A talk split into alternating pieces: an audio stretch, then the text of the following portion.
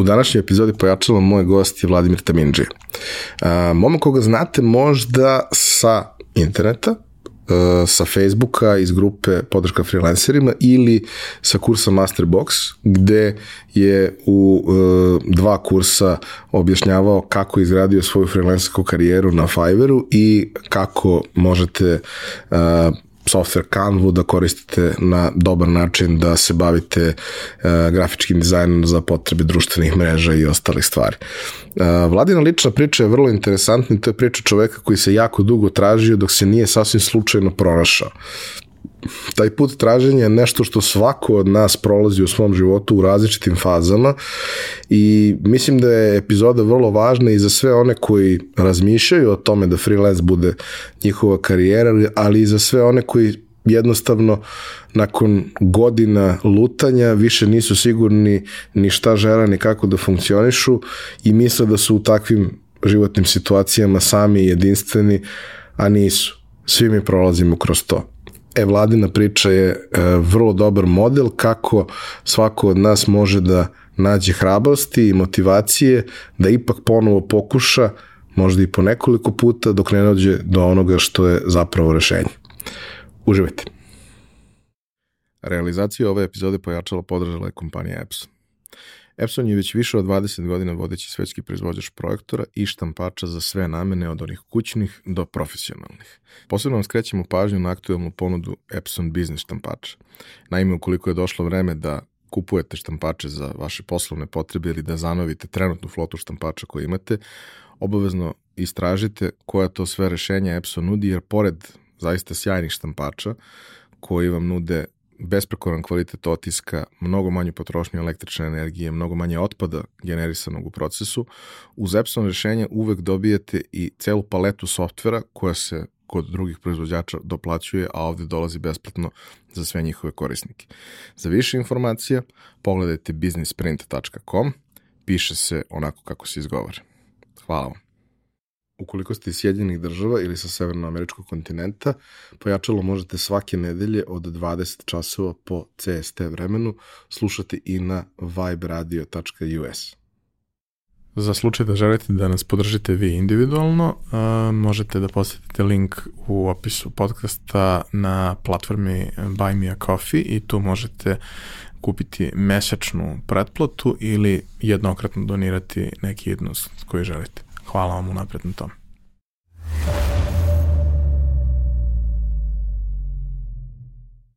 Vlado, dobrodošao u Pojačalo.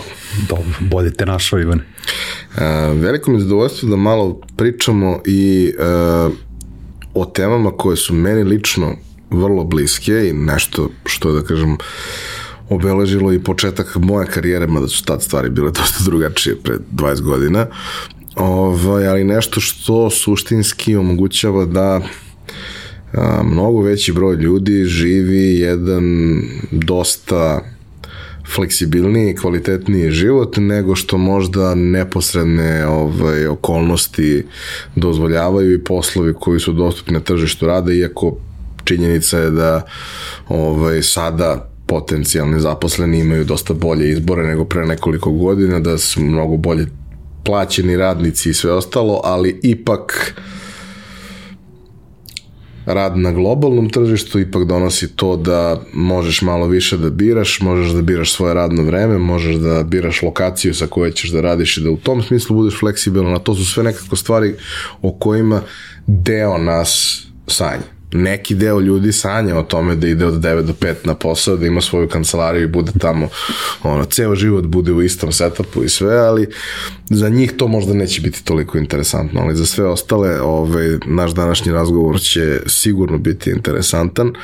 Tebe ljudi znaju kao osobu koja prethodnih nekoliko godina priča na temu freelansa, vrlo je aktivno u tom nekom smislu. Uh, snimio si i kurs, imaš i grupu za, za podršku uh, ljudima koji su zainteresovani da uđu u tu, u tu priču ovaj, uh, na Facebooku i vrlo si aktivan kada je u pitanju deljenje znanja, ali ne samo znanja, sticanja same veštine koja je potrebna da bi neki od tih poslova radio, ovaj, već i svega onoga da bi zapravo bio uspešan freelancer, jer to je suštinski uh, ajde da kažemo da je veština samo pola puta do, do nekog dobrog rezultata ukoliko neko zaista želi da bude freelancer. Tako da, dobro mi došao. Bolje te našao još jedan puta. Veliko mi je čast i zadovoljstvo ovaj, što sam ovde, što sam te lično upoznao, pratim te jako, jako dugo. Ovaj, prijatelji smo više ne znam nija koliko godina na Facebooku i ovaj, eto, samo prilika da, da, da budem u pojačalu koje slušam non stop i naučio sam jako puno je velika stvar baš za mene ono što je meni sjajno u svemu tome što, što radiš e, je što za razliku od mnogih ljudi koji, ne znam, to, to, to nekako stalno pričamo, ali kao ako imaš potrebu da mistifikuješ ono što radiš, onda vrlo verovatno nisi siguran ni u sebe, ni ovaj, i na neki način ne želiš drugim ljudima da dobiju priliku koju ti imaš, kod tebe je to potpuno suprotno. Ti demistifikuješ sve stvari, pričaš vrlo otvoreno, direktno, suštinski, jedan dobar deo vremena, vrlo aktivno radiš na tome da vrlo konkretnim savetima pomogneš ljudima koji su na tom putu koji nije lak i jednostavan, ali put ni do jedne stvari koja nešto vredi nije, nije laki i, i jednostavan ni, do, ni kada pričamo o međuljudskim odnosima, ni kada pričamo o nekakvim uh, poslovnim stvarima i rezultatima koji to prate, pa šta god da je u pitanju, ako je veliko, verovatno mu prethodi veliki rat. Uh, naravno kao i sa svim ovaj, gostima Pojačalu.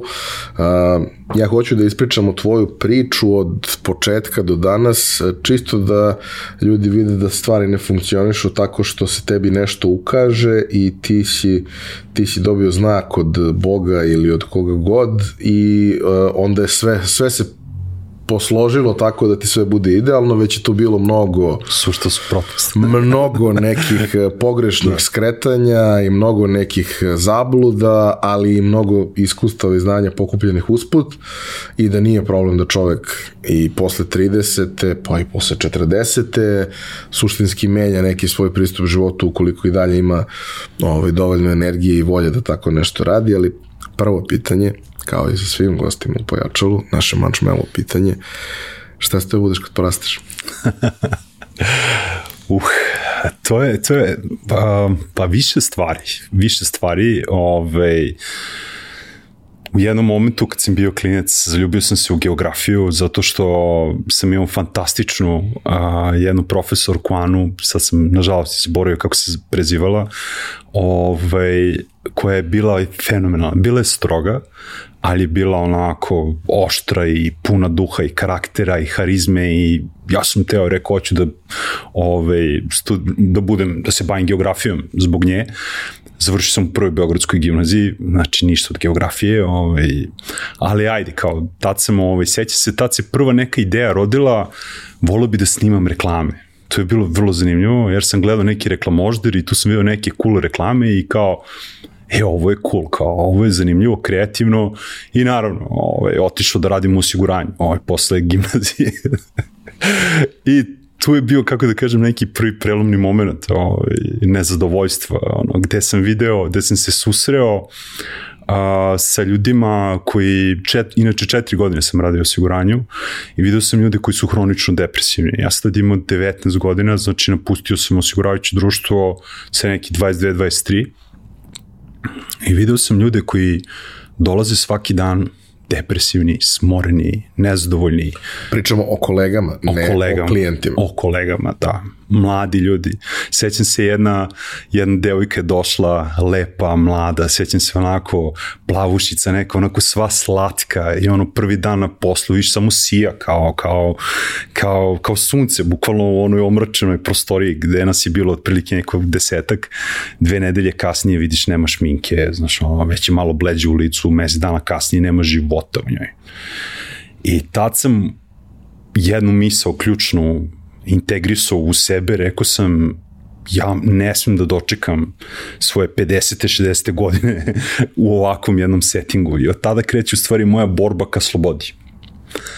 Tad sam ja počeo u stvari da tražim načine da ne budem u tom, da ima više slobode u svom životu. I trebalo mi je jako puno vremena dok se nisam otisnuo ka, onda sam radio nekih 8 godina u advokatskoj kancelariji, da bi na kraju počeo internet, da da istražujem. Posle, pričao sam ti Tim Ferrisove knjige 4 Hour Work Week, koja mi je onako otvorila čitav jedan novi svet mogućnosti. I došli smo ovaj, posle toga do ovaj, Fivera i freelansa na celom tom putu je bilo mnogo, mnogo neuspeha, ali eto, otprilike to je bila neka geneza stvari koja je dovela do Dobro, pričat ćemo naravno o detaljima tog svog e, puta, jer u suštini u detaljima se krije i đavo, ali se kriju i one neke stvari koje, da. mrvice koje usput pokupiš, koje na kraju budu jedna prilično lepa gomila nekakvog posredno i neposredno sakupljenog znanja ovaj, koje ti onda omogućava da to što radiš, radiš bolje. Mislim, imali smo dosta slučajeva ljudi da, no, rade posao koji ne žele, koji ih ne interesuje, koji im nije inspirativan, ali na tom poslu steknu jednu specifičnu veštinu koja im kasnije omogućava da ono što rade, rade kako treba, jer osim znanja stručnog u toj oblasti, recimo trebaju ti komunikacijne veštine, što u principu kreativci obično nemaju, inženjeri još manje i na posebno svoj način i sve, ali neko ko je proveo recimo, nemam pojma, par godina u direktnoj prodaji i prodaji osiguranja komercijali na terenu, ne može da nema te veštine jer ga je, mislim, ako je opstao više od mesec dana na tom poslu, Tako. morao je da razvije to na nekom nivou. Čak i ako nije želeo, počeo je makar da se osjeća komotnije u tim nekim situacijama. Uh, otkud osiguranje? Što osiguranje? ovaj, pa to je, to je bila zanimljiva priča. Mislim, to je bila moja 19. godina koja je bila poprilično burna. Ja sam bio sportista, neko ko je trenirao svoje pete godine, uvek onako bio klasičan klinac, ono, treninzi, drugari, drugarice, ništa ekstremno i onda je to nešto, ti dan puta sam tamo negde u 18. godini sam poludo i tu su krenule žurke, haos, ono, totalno ono, vide me u, posle tri dana u kući i tako dalje. I oni su mislili, moji roditelji, ko veli, ajde da mu damo, da mu nađemo nešto, da ga sklonimo malo ovaj sve, celog tog sveta, što je bilo dobra ideja. Ove, ovaj, I kao tadašnji moj uh, rođak je bio direktor tog osiguravajućeg društva i kao, ajde ti da radiš malo, kao, radiš ozbiljan posao, kao, malo se središ, kao, nisi ti, mnogo si skoči šablon. I sad ja ono, gledajući filmove kroz detinstvo, znaš, ono, insurance, ima se love, rekao, to je to. Za četiri godine vozi me neku mečku, ovaj, krećem da radim u osiguranju.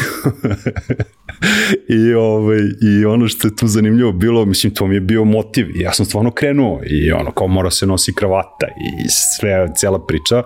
Ozbiljan posao, radio sam likvidaciju i procenu imovinskih šteta, što je, by the way, najodgovornija možda pozicija u celom osiguravajućem društvu.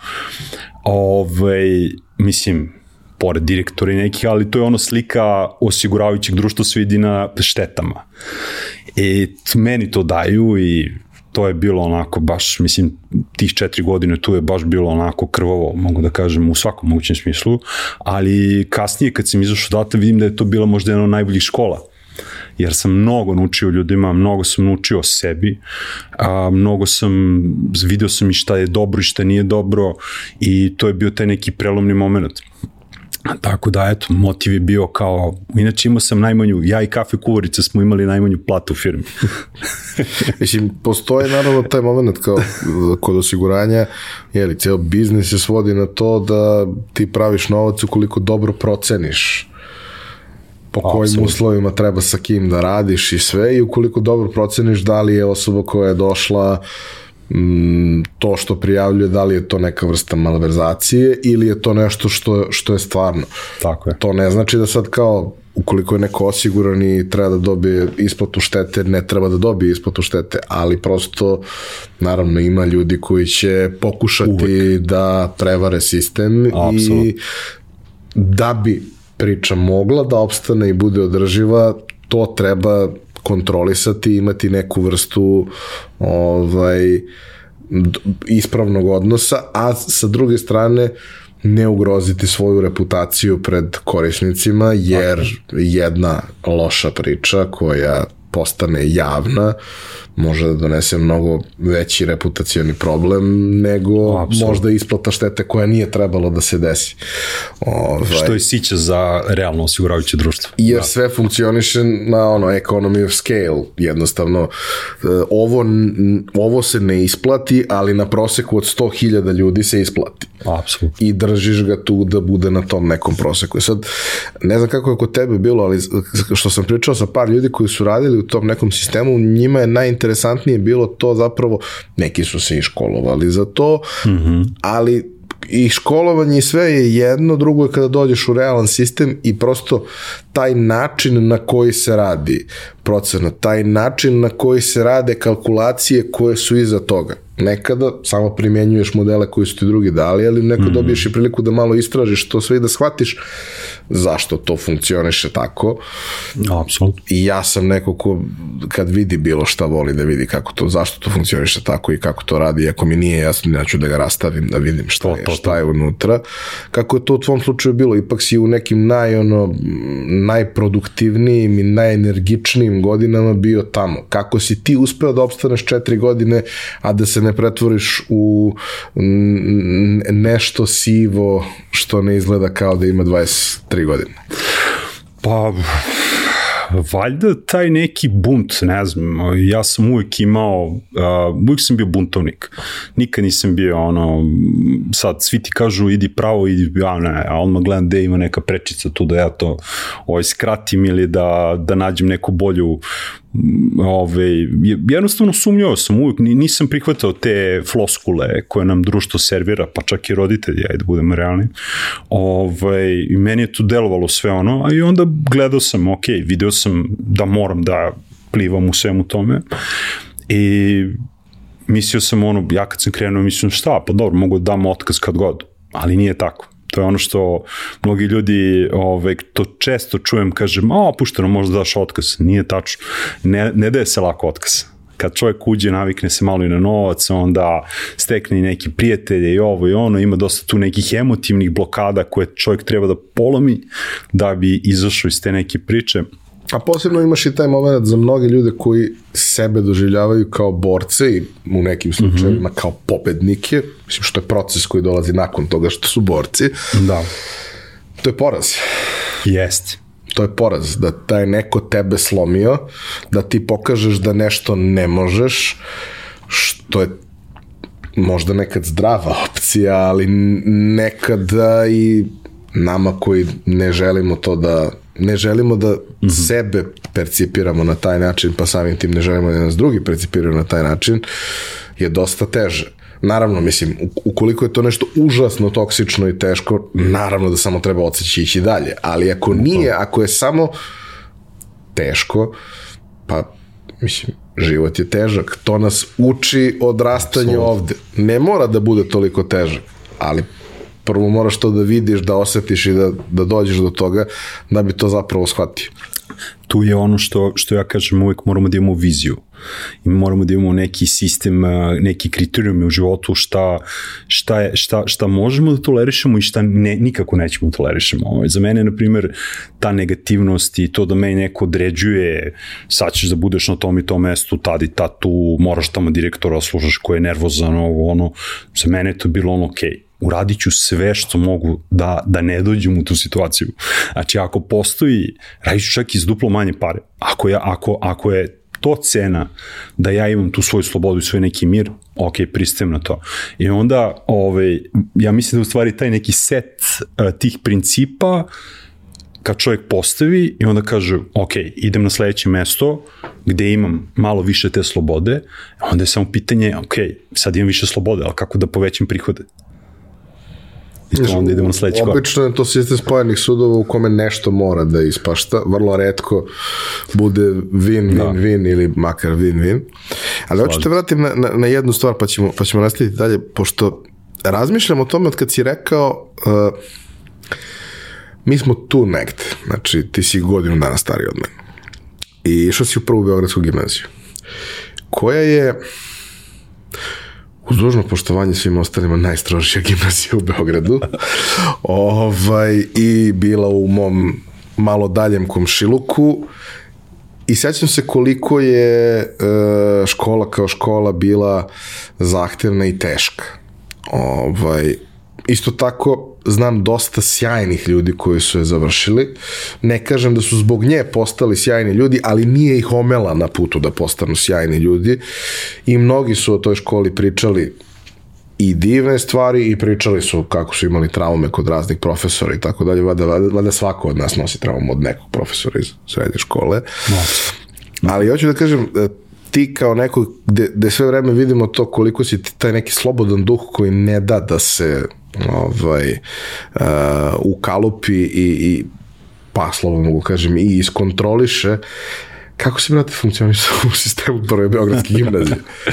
pa, bilo je teško iskreno bilo je teško jer ono učilo se tamo ono što je moralo da znaš za dva negde bi imao pet ko vrata ovaj ekstremno veliki kriterijum i uvek je mislim meni je ovaj škola jako teško išla daleko od toga da sam nešto sad kao ali sam uvek radio trudio se i ovaj i to je to, ono, uradio sam koliko moram da prođem, eto, bukvalno to je to. Ove, ovaj, nisam se nešto pretrano pronalazio, više su me neki profesori motivisali, evo, profesorka koju bih želeo da spomenem je a, Sonja Knežević, ove, ovaj, koja nažalost nije više među nama, preminula je, ali to je jedna izuzetna, to je inače i majka od moje jako dragi prijateljice, koju pamtim kao jednog izuzetnog pedagoga, koja je bila jedna gospođa onako otresita, a koja je jako visoki kriterijum imala i nije me štedela, iako me je lično poznavala ovako van škole.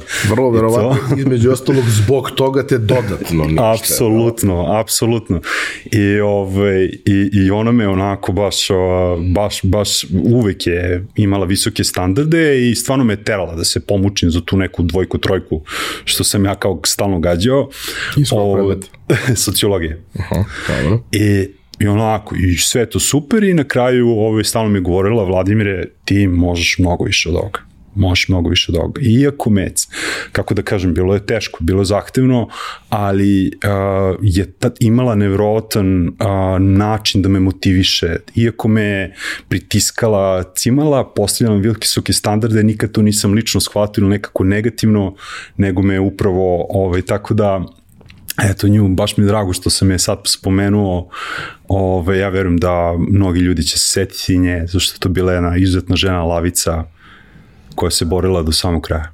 Pomenuo si da ovaj, su generalno za, za te neka interesovanja koja po defaultu nisi imao, ali su se javljala zarad činjenice da su neki ljudi bili vrlo posvećeni svojim predmetima i dobri mm -hmm. u tome što rade što na kraju dana jesu možda i najvažniji ljudi u našem odrastanju, bilo formalno ili neformalno kroz obrazovanje, ljudi koji nas motivišu da zavolimo stvari koje nam nisu na prvu loptu najinteresantnije. Jer to što ti je interesantno ti ćeš zavoliti čak i ako je loš profesor.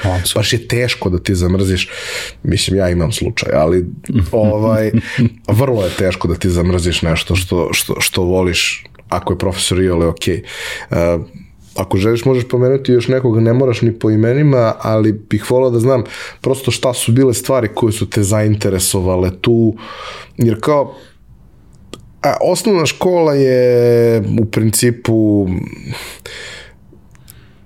jedan veliki korpus, ali vrlo bazičnog znanja. Ja stvarno verujem da svako od nas može da savlada sve ono što je u osnovnoj školi bez nekih većih problema. Druga stvar je ako ti nećeš i mrzite, i, ali znaš, kao, to insistiranje na tome, što stalno slušam sad od ono, drugara koji su roditelji koji imaju decu od, ne znam, ono, 5, 6, 7, pa onda kreće 10, 11, 12 godina. Zašto moje dete treba da zna šta su mitohondrije, zašto moje dete treba da zna šta su alveolne ravne? E, zato što treba. Zato što ja u saobraćaju ne želim da srećem da. osobu koja nikad nije čula za, za te stvari, jer znaš, ne, ne mora da završi u slagalici nikad u poteri, ne mora da završi u kvizu, ali korisno je. elementarno da razume kako stvari funkcionišu, jer kako ne razume kako funkcioniše ćelija, kako očekujemo da razume kako funkcioniše, nemam pojma, pankreas. Apsolutno. Ovaj, jer pričamo o nečemu što je ne, neuporedivo veći broj puta, kompleksnije i tako dalje. Ovaj, ko su bili ti, ti neki, te neke ostale teme, možda neki ostali ljudi koji su te motivisali da nešto naučiš što možda ovako po defaultu ne bi? Pa, na primjer, profesor koga smo mi apsolutno, meni su uvijek, na primjer, ne mogu da kažem da me nešto posebno neki predmet, ovaj, mada tu sam otkrio, na primjer, da, da u srpskom jeziku sam bio jako, jako dobar, imao sam pet ono i društveni smer i, i to mi je baš išlo fenomenalno, na primjer da pročitamo neku pesmu ili knjigu i ono kao šta je pisac teo da kaže. Ja sam se tu javio ko bleso, ono, znači sve sam teo, ono, baš sam volao da ulazim u psihu tih pisaca i da analiziram i tako dalje i to me baš ove, motivisalo. Uh, I moja razredna je imala baš ove, sluha za to, A, I tako da je, a nisam uopšte bio dobro u pisanju, na primjer, to je bilo zanimljivo. Ovaj, pismeni sam obično dobio neke trojke, ali kad je bila analiza tekstova, ono, pesme, knjige i to, tu sam kido. Na primjer, to je bilo onako jedan predmet gde, gde baš sam onako dobro funkcionisao a, i takođe profesora Slaviša Vesić, koji je predao fiziku, što najveći fora nije bio čak ni moj profesor, nego bio profesor od susednog odelenja. Ja sam tog čoveka toliko voleo da ja pobegnem s mog časa i uletim u njihovo odelenje. I on gleda ovako i kaže, Taminđeo, šta traži biti ovde? Imaš šta ti kaže u svoje. znači, toliko sam voleo tog čoveka i dan danas ga volim i kad ga sretnem na ulici, izgrlim ga, ovaj, odemo na kafu negde. Mislim, to je takav jedan pedagog, takav jedan čovjek. Mislim, svaki njeg u rođen mi smo skupljali pare, ono, da mu kupimo, ne znam, imamo, kupovali mu parfeme, šta mu nismo sve uzimali, ovaj, bukvalno kao, kao otac, eto, takav je bio. I tako da, ovaj, ta ljubav u stvari koju ljudi nose u sebi, a, ta nesebična ljubav koja, koja, koju tako dele i koji se osjeća, ne može ona da se a, kupi ili, ili da se isfikuje na neki način, a, je nešto što je nezamenljivo i nešto što ljudi pamte ceo život. I negde kad god pomislim na ovo što ja sad trenutno radim, što trudim se da stvarno ovaj, da eto, to je grupici ljudi koja me prati i koja uči od mene, ovaj, budem, nadam se, neko ko je takav. Eto.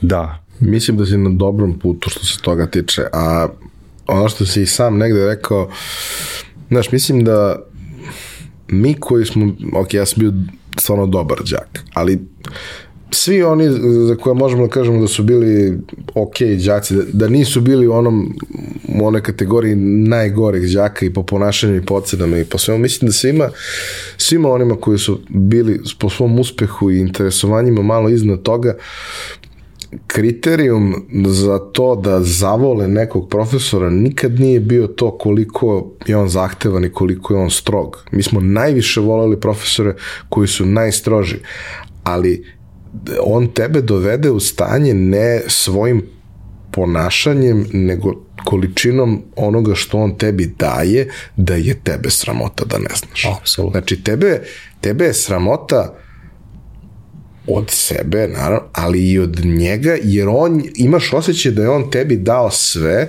Tako i sada od, od tebe traži nešto. Naravno, mislim, mi smo isto imali ovaj nekoliko, nekoliko profesora, ali mm jedan profa koga smo obožavali, profesor Ace iz, iz uh, mehanike je bio verovatno najstroži profesor u školi, pritom sam predmet je izuzetno težak jer je to primenjena fizika koja je mm -hmm. prilično kompleksnija od onoga što, što imaš na nivou srednje škole. Ace je bio najzahtevniji profesor u školi, bilo je mnogo slabih i slabijih ocena i sve i svi smo ga obožavali.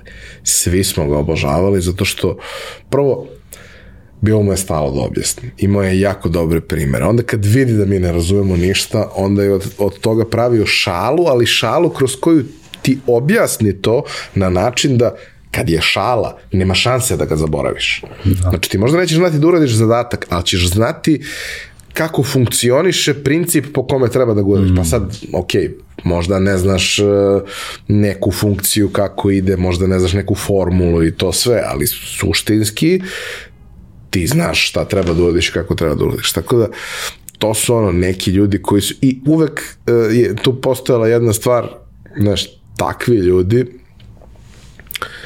su pravedni. Oni su strogi, ali su pravedni. I to je ono što znaš, ti ako si dobio, ti mnogo više ceniš tu dvojku ili trojku, nego neku peticu za koju znaš da je nisi zaslužio, nego, ajde. Meni je to recimo uvek kao neko ko je, ko je stvarno bio Tako je. jako dobar đak u osnovnoj, posle u srednjoj ne toliko dobar, ali uvek u tri najbolje u odeljenju. Mm -hmm. ovaj, znaš, nisam cenio ocene koje sam dobio po defaultu. Zato što, a, ono, neću ja da ti kvarim prosek. Okej, okay. to mi je bilo bitno, mislim, u osnovnom nisam imao te slučajeve, tad sam bio Vukovac i sve, pa tu bi mi bio problem da mi neko kvario prosek. Ovde, pa nije 5-0, ne znači mi da li je četvorka ili petica ili trojka, ako sam zaslužio, neka bude to. Ali je bilo dosta profesora koji su išli negde ono, linijom manjeg otpora, po principu neka nisi najgori. Pa dobro, ali znaš, nisam zbog toga došao. Ali dobro. Uh, od... takvi ljudi, takvi ljudi ostave trag na nama. To je to je to je neverovatno neverovatno je koliko, koliko je blagodatan taj efekat na, na, na čoveka kada dođe u kontakt s takvom osobom. Ja, ja ću te ljude pamtiti do kraja života i ovaj, bit ću im doveka zahvalan na tome. Dobro, osiguranje, rekao si kako je to izgledalo i sve to. Posle toga si rekao neko duže vreme advokatska kancelarija. Da, Da. Kako, zašto, kakva advokatska kancelarija? Šta ti je to trebalo?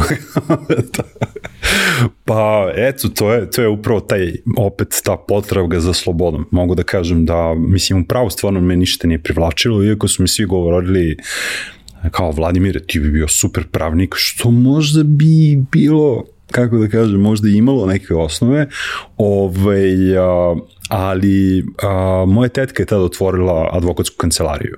I ona je rekla, ja sam tad bio na tom privatnom fakultetu, on kaže, ajde Vlajko, dođi, radiš sa mnom, radili smo, uzgred tetka je radila sa mnom u Moravi, ona je vodila celu a, osiguravajućem društvu, vodila je celu a, pravnu službu. I a, E on kaže, ajde, dođi, radiš sa mnom, imamo tog, tih par nekih klijenata većih, e, dobit ćeš platu, meni to delalo kao super kombinacija. Nemam neko fiksno radno vreme sad da moram da budem baš u, ne znam, 9.00, nego ono, kad završiš to što imaš, dođeš laganica, i to je bilo super. E, sad, problem je to što, se to, što je to potrajalo jako dugo. Jer realno, ja tad nisam znao, moj mentalitet ili mindset po engleski je bio a, ok, želim da budem preduzetnik, šta mi treba? Pa trebaju mi neke pare, ali tako? Te pare nisam imao, a nisam bio kreditno sposoban i, ovaj, ja sam se negde vrteo u toj kolotečini svojih misli i misleći da nemam opcije, što je naravno laž.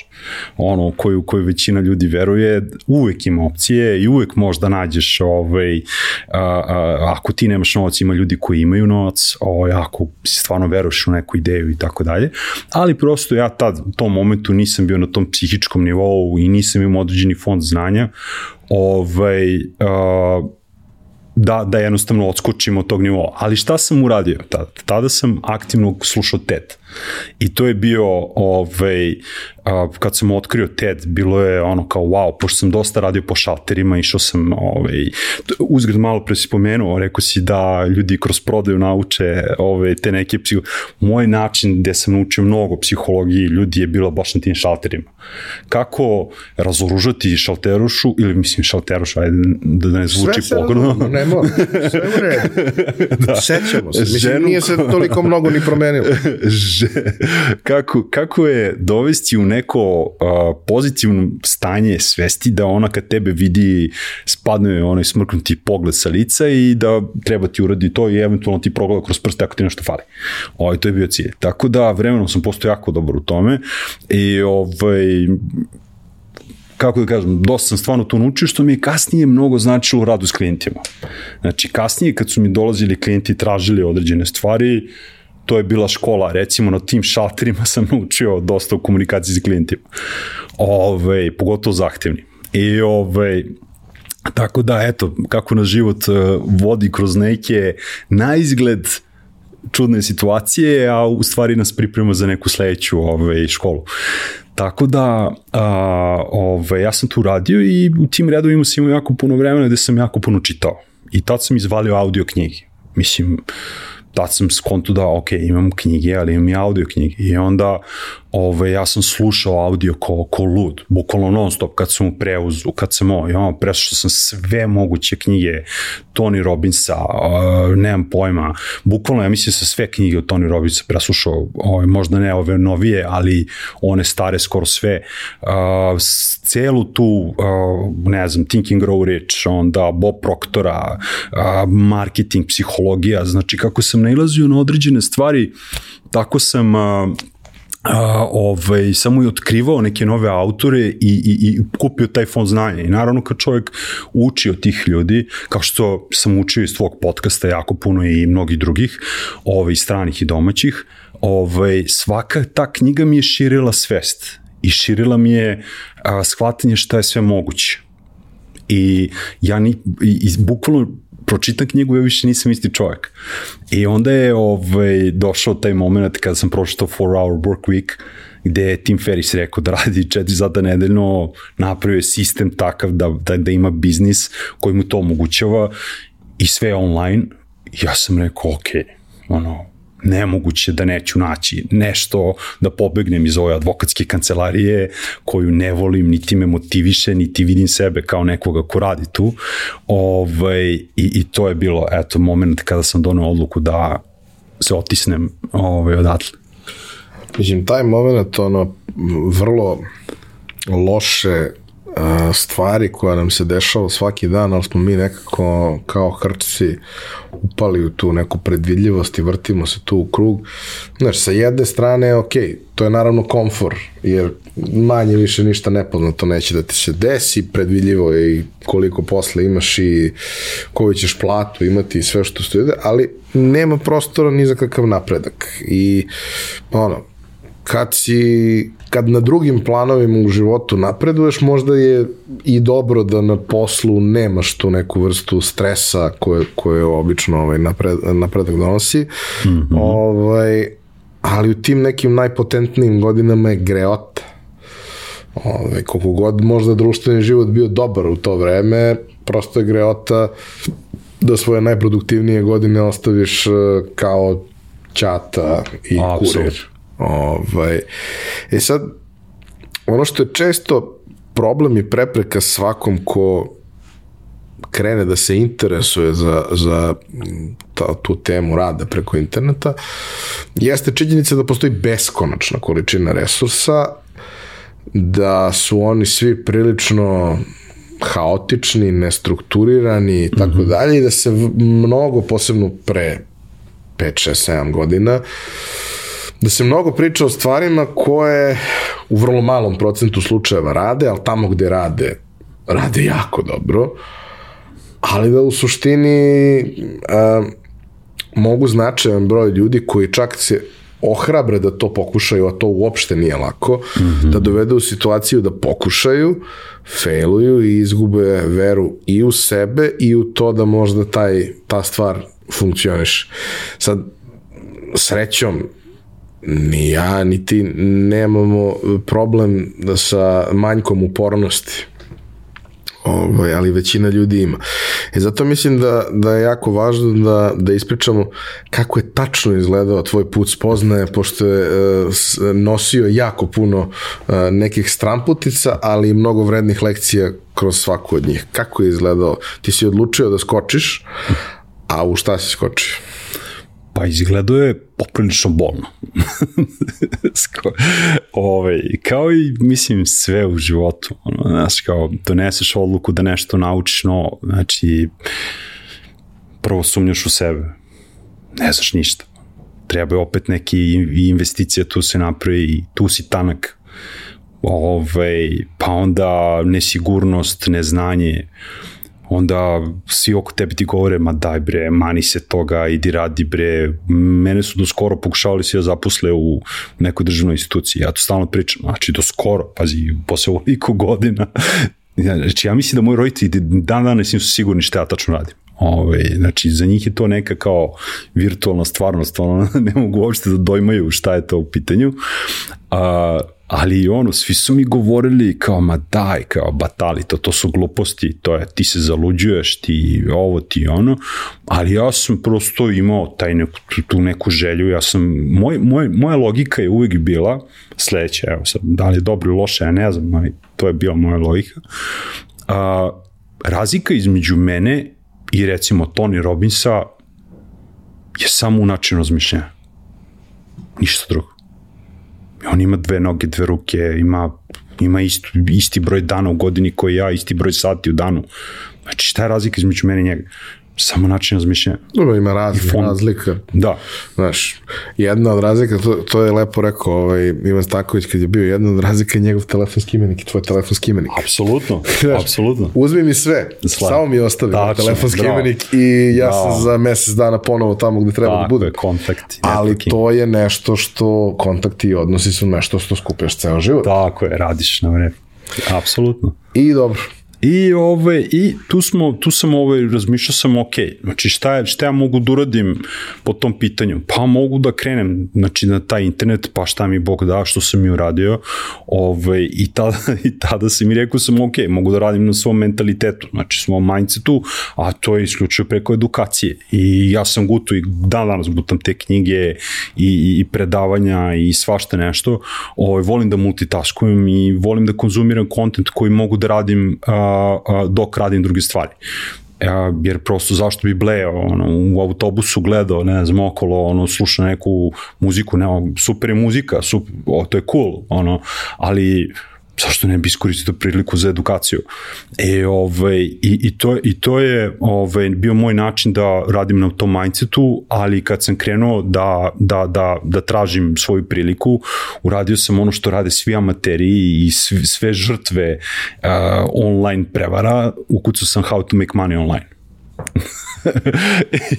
I, ovaj, I to je bilo ono kao network marketing, network marketing net, i sve ono, bukvalno razno razne prevare. I naleteo sam na nekog a, lika iz Hrvatske koji pa hajde tako da kažem da je čovjek pa ne mogu da kažem da je elokventan, ono, mogu da kažem da, da, da kao da ima neku govornu manu, mislim, onako poprilično mi nije mi delo baš ni previše inteligentno, iskreno čano, mislim, čovjek je sigurno inteligentan, ali meni tada u tom momentu, koja je pričao kako je zaradio 20.000 dolara i pokazivo čekove i ono, i rekao, rekao, šta je ovo, mislim, rekao, mora da je nešto, pazi, rekao, ako je ove zaradio, pa zaradit ću ja, mislim, ono, nek zaradim pet, bit će dobro.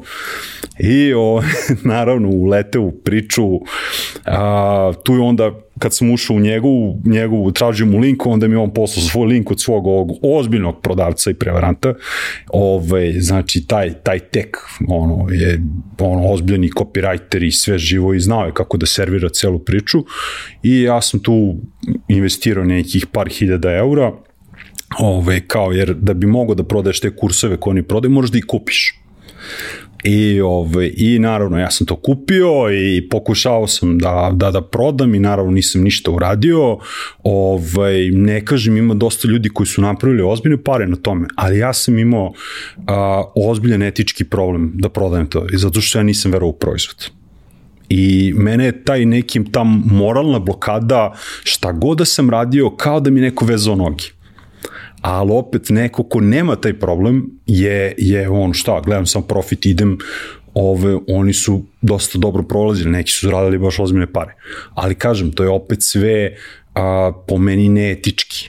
Trgovina ljudskom nesrećom. Apsolutno. I ovaj, mnogi ljudi su nesrećeni bili da bi, na primjer, a, ovaj, dve godine kasnije, koliko je trajala ovaj, ta priča, a, cela firma propala i tog vlasnika sad i dan danas po sudovima jure za neke stotine miliona dolara i tako dalje. Ovaj, I to je, nažalost, priča mnogih ljudi. Mislim, ono, ali šta je dobro u celoj toj priči jeste što sam ja u, u svemu tome, pokušavajući da razradim taj network marketing, učio YouTube marketing. A, tada sam otkrio digital marketer, koga sam krenuo maniječki da čitam ono, svaki dan. Rešio sam, dao sam sebi zadatak svaki dan jedan blog post na digital marketeru, nebitno. Znači, pre što počnem da radim jedan blog post i onda može sve ostalo. I onda, kad pogledaš za godinu dana 365 postova, recimo ozbiljnih pročitati od takvih marketara, čovjek nauči dosta toga. I, ovaj, i kurseva i razno raznih stvari što mi je sve kasnije a, pomoglo kada sam ovaj, odlučio da krenem da radim na Fiverru ovaj, u komunikaciji s mojim klijentima svo to znanje, svi ti failovi, ja sam umeđu vremenu i pokušao i uh, affiliate marketing da razradim, tu sam imao nekog uspeha, ali ništa značajno, jer uvek sam dolazio do momenta gde treba se investira, ne znam, krene mi recimo kampanja i, o, i do, treba sad da investiram par iljada eura u, u, u, u Facebook oglase i ono kao, tabla. Onda ne znam, 3-4 puta mi je Facebook napravio sam neke greške, cancel account i tako dalje, tako dalje ali sve to znanje mi je kasnije pomoglo, a, svi ti failovi kojih je bilo mnogo, stvarno mnogo, a, ovaj, su mi po, pomogli kasnije u komunikaciji s klijentima na Fiverru. Jedna od stvari koju često ljudi pričaju, koji su ono, u svom CV-u imali u nekom trenutku, obično na početku karijere, tu neku stavku koja je ovaj, ili multilevel ili neka mm -hmm. ovaj, prodaja tog tipa. Ono, suštinski gotovo niko od njih nije želao tu da se zadrži duže i sve i neki su bili više, neki manje uspešni, neki su bili vrlo uspešni. Ovaj, ali ono što, što svi oni manje više bez izuzetka ovaj, govore, ali a kažem, to je konkretno najčešće kada pričamo o fizičkim nekim proizvodima, prodaji nekih fizičkih proizvoda, mm -hmm. i da su te obuke koje su prolazili bile neprocenjeve. Jer kao, znaš, ono, bukvalno možda je paralela pogrešna, ali meni deluje kao da ima smisla, pa ću je ja ipak reći, moj podcast. ovaj, uh, stekneš super moć, koju sad treba da koristiš za, pa ne sad, ajde, mnogo je grubo da kažeš sile zla, ali uh, sile neutralnog, sile svetlo sivog.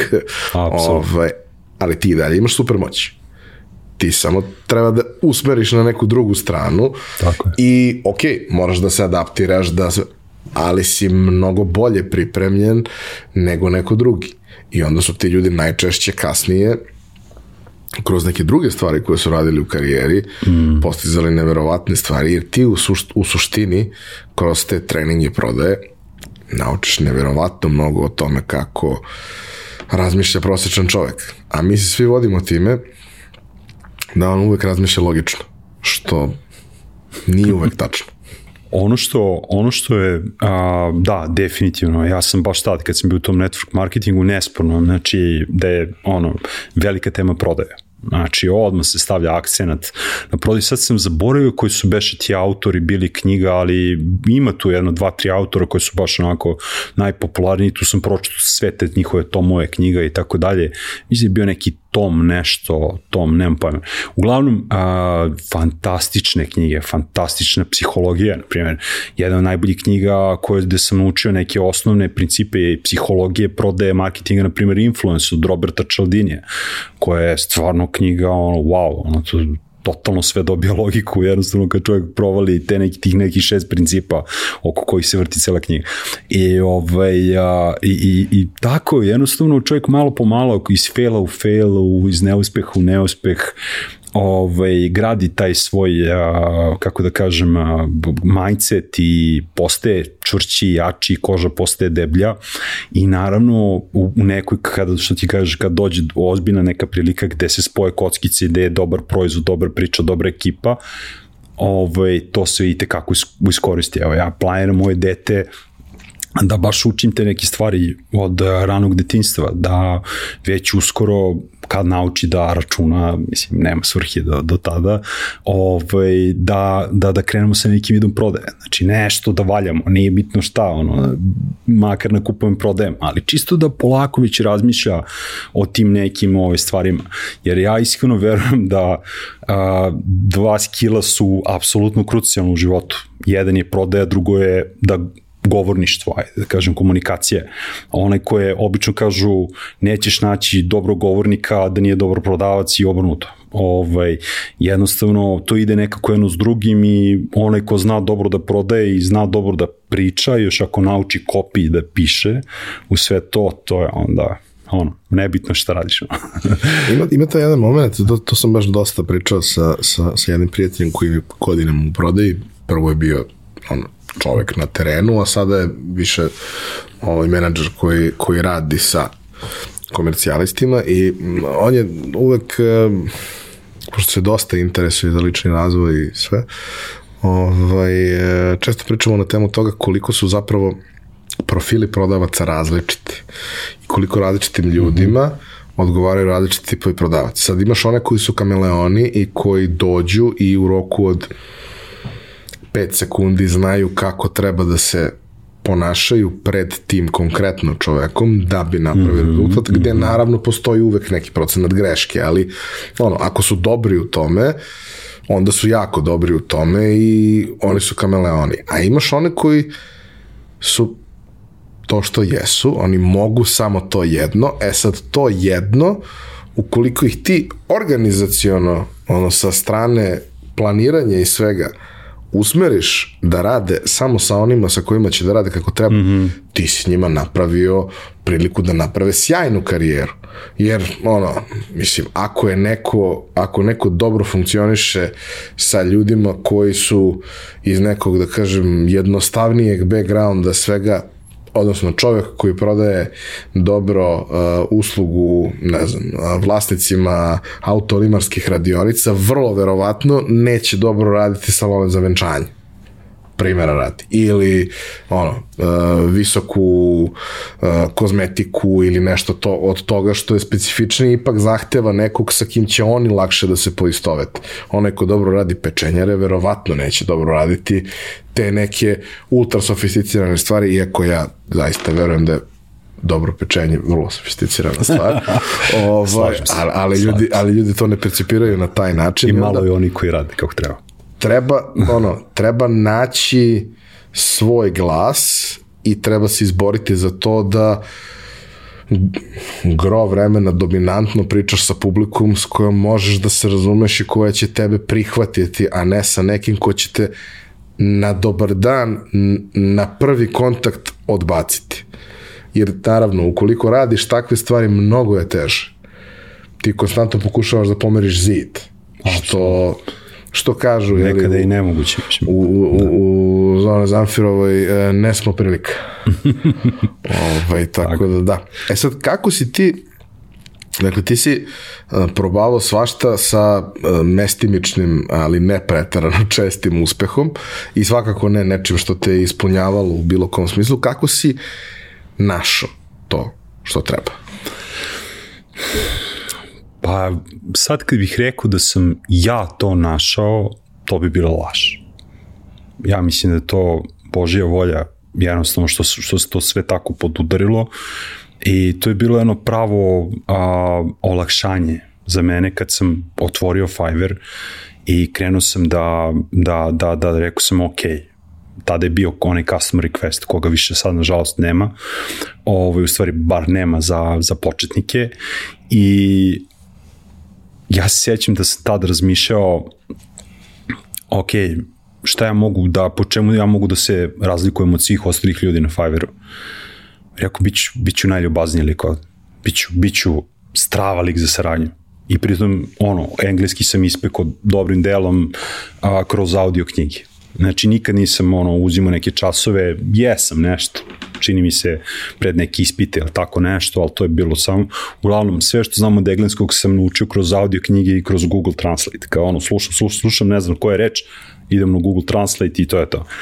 I jedno milion puta to naučiš. Ovaj, i, ovaj, i uh, krenuo sam da šaljem ponude i napravio sam tekst koji meni zvučao to. A šta su uopšte bile usluge? Šta je bila ideja da budu usluge? Usluga je bila, da, kako sam u stvari došao do dizajna. Ovaj, ja sam uvijek volao dizajnerima. Ja sam imao, na primjer, pošto sam slušao svoje vremeno elektronsku, mislim, slušam i danas, ali ne kao tada, elektronsku muziku, ja sam dizajnirao, ono, znaš, ono kad ti nađe neko verbatim CD, da, da. znaš, ono, i, i sad, ovaj, rekao što mi ružno kada onako piše se onim slojima, neko se ću napravimo onaj cover lepo, pa ga imali smo u Moravi neki fancy, HP, printer u boji, neko ludilo, znaš koliki je bio, znači katastrofa neka, naravno nije iskorišten, daj Bož da izbacio 100 stranica od kad su ga kupili i ja sam tu kad niko ne vidi ono kao klik ubacim i štampam ono i sečem i tako dalje.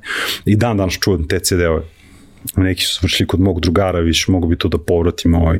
No, a, ovaj, a, tada sam, a, volao sam uvek taj dizajn i uvek sam, na primjer, kad, smo, kad sam radio u advokatskoj kancelariji, kad, na primjer, moja tetka meni pošalje dokument, ono to nabaca onako grubo, kaže, aj ti si to sredi malo, ti si picajzla, ono da izvinete, ovaj, znači, ja tu stvarno ono marginice, svaki red je sve ono ravnomerno i tako dalje. Kaže, niko nikada, eto, ono, žena ceo život radi u pravu, nije znao tako da skocka taj tekst lepo da sve bude kako treba. I rekao, ajde da probamo, ovaj, tad se pojavila Canva. To je bila Canva, ono, tek izašla i ja kad sam provalio Canvu, meni je to bilo najgenijalniji softver na svetu. Ono, kao, wow, čoče prosto, efikasno, možda napraviš šta hoćeš i ja sam krenuo da pravim u Canvi i rekao, ajde, možda će nekom želeti da mi plati za to. Ono, mislim, logika stvari. I ono, našao sam tih neki header design kategorija je bila onako popularna, rekao ajde da probamo i krenuo sam šaljem ponude i tad sam ovaj, napravio taj svoj kao prvi sales letter, aj tako da kažem, ovaj, koji je onako bio pozitivan, veseo, a, druželjubiv i upecao sam svog, prvo je bila neka kineskinja i onda mi je naleteo kit, ono whale, klijent, srećom, ovaj, taj čuveni Jurgen, neki Nemac, koji je radio Amazon affiliate i imao je 300 miliona blogova, mikroblogova, gde je prodavao proizvode sa Amazona. I za svaki blog mu je trebao header. I ono, čovjek mi je kao, ajde, napravi mi header, ja mu napravio, uduševio se i samo vidiš ono, po pet, bukvalno gigova je poručio meni tad gig bio 5 dolara i on naruči za 25 dolara, što meni tad bilo ono, wow, čoče. Tako da, uh, tu se okrene i tad meni se zahukta taj gig i onda su krenuli da dolaze drugi ljudi i malo što po malo... više imaš ono, referenciji, što više imaš Da. rezultata, to je mnogo lakše da se Jest. probiš za Da. nove poslove. jer uh, taj algoritam prati otprilike ko, koji novi gig se tu i kad počinje da dobija tako veliki volumen poslova, odmah ideš na prvu stranicu, kad dođeš na prvoj stranici onda je on laganica i to je to, samo drži ritam i udri, znaš. I to je bukvalno to, znači ja sam tada ono iz komunikacije u komunikaciju, iz, iz posla u posao, znači stalno sam dobio pet zvezdica u svim kategorijama. I komunikaciju, ljudi su čak i meni bilo malo i čudno, ko što su broj ljudi ovoliko zadovoljni. Mislim, ok, super, jesam ja odradio svoj posao, ok, korektno i komunikacija, ali oni su uvijek nekako izlazili super zadovoljni. I meni je to toliko bilo bitno, jer sam imao jako puno kriticizma u životu sa svih strana I ovaj, prvi put u životu da nešto stvarno radi, ono kao stvarno nešto radi i imam rezultate u tome i stvarno ono zadovoljan sam i tu je krenuo i novac i sve ostalo, sklopile se kockice I kako da kažem, ovaj, taj neki, taj moj Fiverr profil je neka, na, da kažem, lična karta moja, nekog eh, prvog ozbiljnijeg uspeha koji sam napravio, a, ovaj, koji je onda kasnije bio temelj za pravljanje kursa i svega ostalog. E, jedna od stvari koja je ovaj, uvek vrlo bitna kada si u toj nekoj vrsti, ne samo, da kažemo, gig ekonomije kreativne, nego i uopšte u, u, u, u servisnom kreativnom radu, kada radiš dizajn je to da, ok, ljudi dođu, vide šta radiš i otprilike znaju šta da očekuju i traže nešto što je slično ili srodno tome u nekom smislu. Fiverr je, mislim ja sam korisnik više od 10 godina, ovaj, kupac, ne prodavac. Ovaj, Fiverr je mesto na kome uh, ono, iz inicijalne one priče, sa početka svega, ti u suštini nekog plaćaš 5 dolara, od, ko, od čega on dobija 4 dolara, platforma mm -hmm. zadržava dolar, da ti uradi neki najčešće vrlo jednostavan posao. I tu je bilo svega i svačega. Naravno, to je količina novca koja nekome u Sjedinjenim državama, Kanadi, Australiji nije nešto pretarano atraktivna, mada ima naravno i mnogo ponuđača odatle, bilo i tada, ali je najviše gađala ove neke manje razvijene zemlje koje su kroz takve stvari mogle da sa par prodaja dnevno naprave neku cifru koja je njima u njihovoj zemlji značajna. I ima mnogo lepih priča i Srbije iz regiona sa Fivera gde su ljudi od tih ono gigova od 5 dolara došli do toga da rade mnogo ozbiljnije stvari, za mnogo ozbiljniji novac, da imaju klijente sa kojima rade godinama, sa nekima kroz platformu, sa nekima ne više ni kroz platformu, nego kroz činjenicu da su ljudi na platformi videli da oni umeju, pa su ih potražili, pa su ih našli negde drugo, pa su ih angažovali, mm. neki su dobijali i poslove. Ovaj, ali čini se da je postojao taj neki trenutak, po mojoj nekoj proceni pre jedno pet godina, možda šest, kada se platforma više okrenula ka tim zaista zanimljivim, kreativnim i lepim stvarima, a manje ka onim gigovima kojih je tada bilo jako mnogo, koji su bili kupovina recenzija za, ne znam, TripAdvisor, za Google, za slično, kupovina pregleda lajkova, kupovina ocena na Apple Store-u, na Play Store-u, što jeste bilo nešto što su mnogi radili. I ja se sećam tih i, i, i videoklipova mm. gde ono, neko ti nudi, ne znam, da kupiš 100 ocena na Google Play Store-u i kao kako je to moguće i on pošalje sliku ono, jedne velike police na kojoj je povezano 100 telefona na, na punjače i kao tako što dođe i na 100 telefona ručno skine isklikće i ti mu to platiš 10, 12, 15 dolara i njemu je to u Indiji, na Filipinima, negde tako, sasvim prihvatljivo i on toga može da uradi 5, 6, 10 u toku dana i da napravi sebi sasvim, sasvim lep uh, prihod. Uh, platforma je dosta se razvijala, Ali naravno početak jeste težak jer početak podrazumeva da bi ti napravio neki rezultat, da uradiš mnogo tih poslova koji su to 5 ili, ili 10 dolara da bi napravio sebi i, i novac i reputaciju koja te stavlja negde u kategoriju da možeš da radiš malo kompleksnije stvari. Kasnije su došle, odnosno već u to vreme je i bilo onih mogućnosti da, da nemaš samo taj osnovni gig od 5, nego da ima ih više, imaš skuplje Tako. opcije, imaš sve ostalo. Fiverr je ostalo ime. I dalje imaš neke stvari koje možeš da kupiš za 5 dolara, ali recimo ako je kompleksno nešto, ako je ilustrator neki koji crta nešto, ono, za 5 možeš da dobiješ linijsku skicu toga. A za 20 ćeš dobiti to kompletno što je trebalo. Uh, ti si ušao u ekosistem i, ok, imao si malo sreće sa Jirgenom, ali to je samo opet početak i to je opet jedna stvar. Kako si se ti usavršavao, kako si učio stvari, kako si istraživao trendove, kako si prosto ono, sebe gradio da budeš bolji u toj priči? Pa, ovaj, da, ta, ta inicijalna sreća je bila da naletim na klijenta od samog početka, ali opet ono, znaš, dođi ti klijent, ali ga zadrži, znaš. Tako da, ovaj, to je, to je ipak uh, uh, je bilo tu uh, dosta rada i truda da, da, da da uvek dam više. Ja sam uvek gledao, bez obzira što radim za 5 dolara. Znači, bez obzira tad u tom momentu sam radio sa 5 dolara, ovaj, a, i gledao sam da uvek dam više od onoga što se traži. Ako je tražio revizije, nema problema, uradit ćemo. Ako nisi zadovoljan s jednim konceptom, evo ti drugi za džabe, nema veze. Cenio sam ga, baš sam ga cenio, onako što je tu i što mi, znao sam koliko mi znači taj, taj čovjek, Ove, ali a, ja sam mnogo učio kroz to iskustvo i kroz svakog klijenta ja sam učio. Ja nisam znao Photoshop, ja sam Photoshop naučio kroz Fiverr.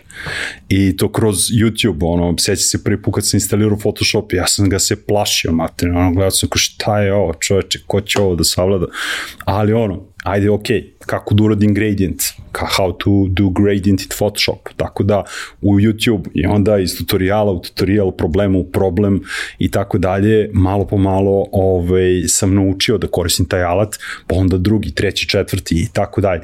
I, ovaj, i, i praktično sam kroz praksu a, sam učio učio sam I, i, i, i uvek sam gledao, to je ono što sam i učio i ljude na Masterboxu, a, da uvek traže, pogotovo u početku, da nađu primere profesionalaca. Znači da šta god da radiš, u kojoj god nišće se nalaziš, nađi najbolje, gledaj šta oni rade i postani dobar u kopiranju njih.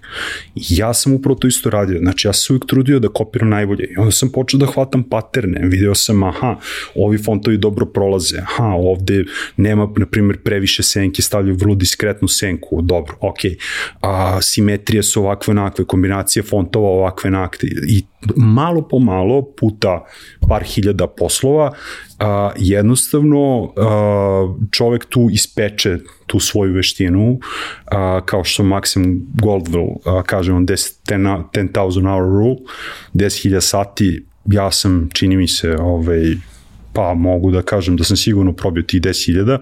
Na, mislim, možda i nisam, ne znam, sad nisam računao, ali jako puno se radilo i kroz a, tu praksu sam faktički a, naučio taj posao i na, na stalno nadograđivo i to je to.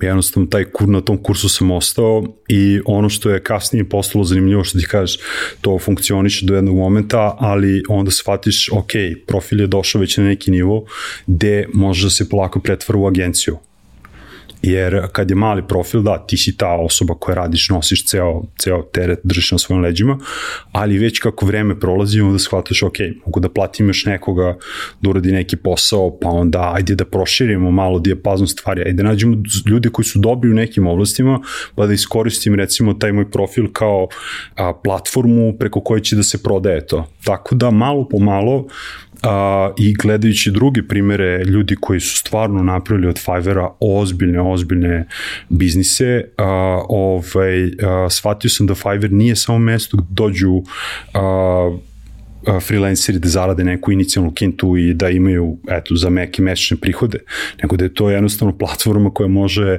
da pruži daleko, daleko više. A, ima, na primjer, primer jedne fantastične mlade devojke koja je napravila a, profil na Fiverru 2020. godine i tu sred one ludnice sa COVID-om.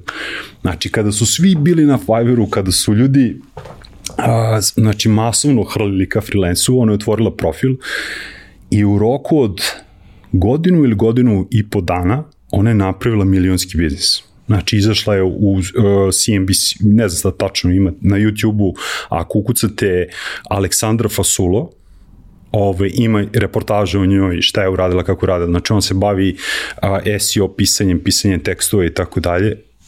Er, devojka je pokidala. Znači, pokidala. Ona je zarađivala nešto, ja mislim da je zarađivala oko 40.000 dolara mesečno Znači, ozbiljan, ozbiljna priča. A, daleko, mislim, ne bih želao da neko misli da sam ja, daleko sam ja od tog nivoa, ali je definitivno a, jako a, ovaj, bitno videti takve mlade ljude, videti šta je moguće na Fiverru, a, zaboraviti tu priču da je Fiverr mesto gde se radi za 5 dolara, ovaj, ima oni koji rade, ali onaj ko je pametan i ko je dovoljno uporan da izdrži taj dugačak put, mogu da kažem, a, razvoja i rasta može da dođe i da bude možda neka sledeća Aleksandra Fasulo ili kogod. Tako da, ovaj, i ja to stalno ljudima pričam, ono, nemojte poceniti Fiverr, ono, kao Fiverr je mnogo dobro mesto.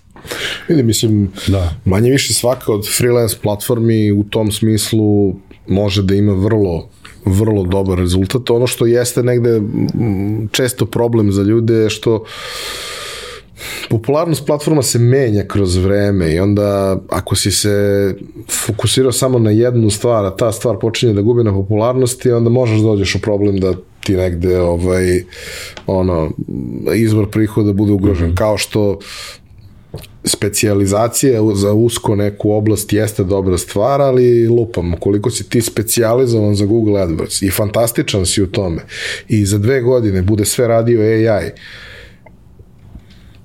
Znaš, malo se gubi, malo se gubi poenta, a nije kao da imaš baš direktnu alternativu. Naravno, svako drugo oglašavanje je relativno slično. Jeste.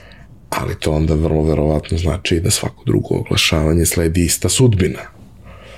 I to Tako. jeste negde ono što, što je izazov. E sad, uh, ono zašto je meni Fiverr uvek bio simpatičan, osim činjenica sam mogu svašta nešto interesantno tamo da nađem i redko su to bile stvari koje su mi trebale komercijalno, uglavnom su bile stvari koje su bile negde moj neki hobi iz animacije, mm -hmm. osim recimo u slučajevima dosta sam uzimao voice-overa na, na, na Fiverru engleskih ili čak i ruskih sam uzimao i tako dalje, jer kao to nisu gigovi od 5 dolara, to je gigo 30, 40, 50, ali imam izbor od 500 glasova, nađem nekog ko mi odgovara, čiji mi engleski leži ili neki drugi jezik, kao evo, i uvek su stvarno ljudi bili predusretljivi, vrlo profesionalni, uvek je bila dobra saradnja, naravno bilo je ovih nekih kreativnih stvari, crteža i svega, ali kod Fivera mi je uvek bila fascinantna uh, ta zajednica koja se tu formira, koja recimo na, na klasičnim freelance platformama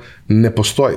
Mislim, ti vidiš ko je sve tu, ali vi redko sarađujete, redko se showcase-uju radovi, redko možeš da uzimaš inspiraciju od nekog drugog. Ti ako, ako si ti, ne znam, dizajner, treba ti programer, naćiš programera, ok, ili copywriter ili šta god ali nećeš provesti pola sata listajući tuđe radove, oduševljen šta se tu dešava. To je recimo bilo, ne znam, 99 Design je recimo na neki način sličan mm -hmm. tome, ali 99 Design ima drugi problem.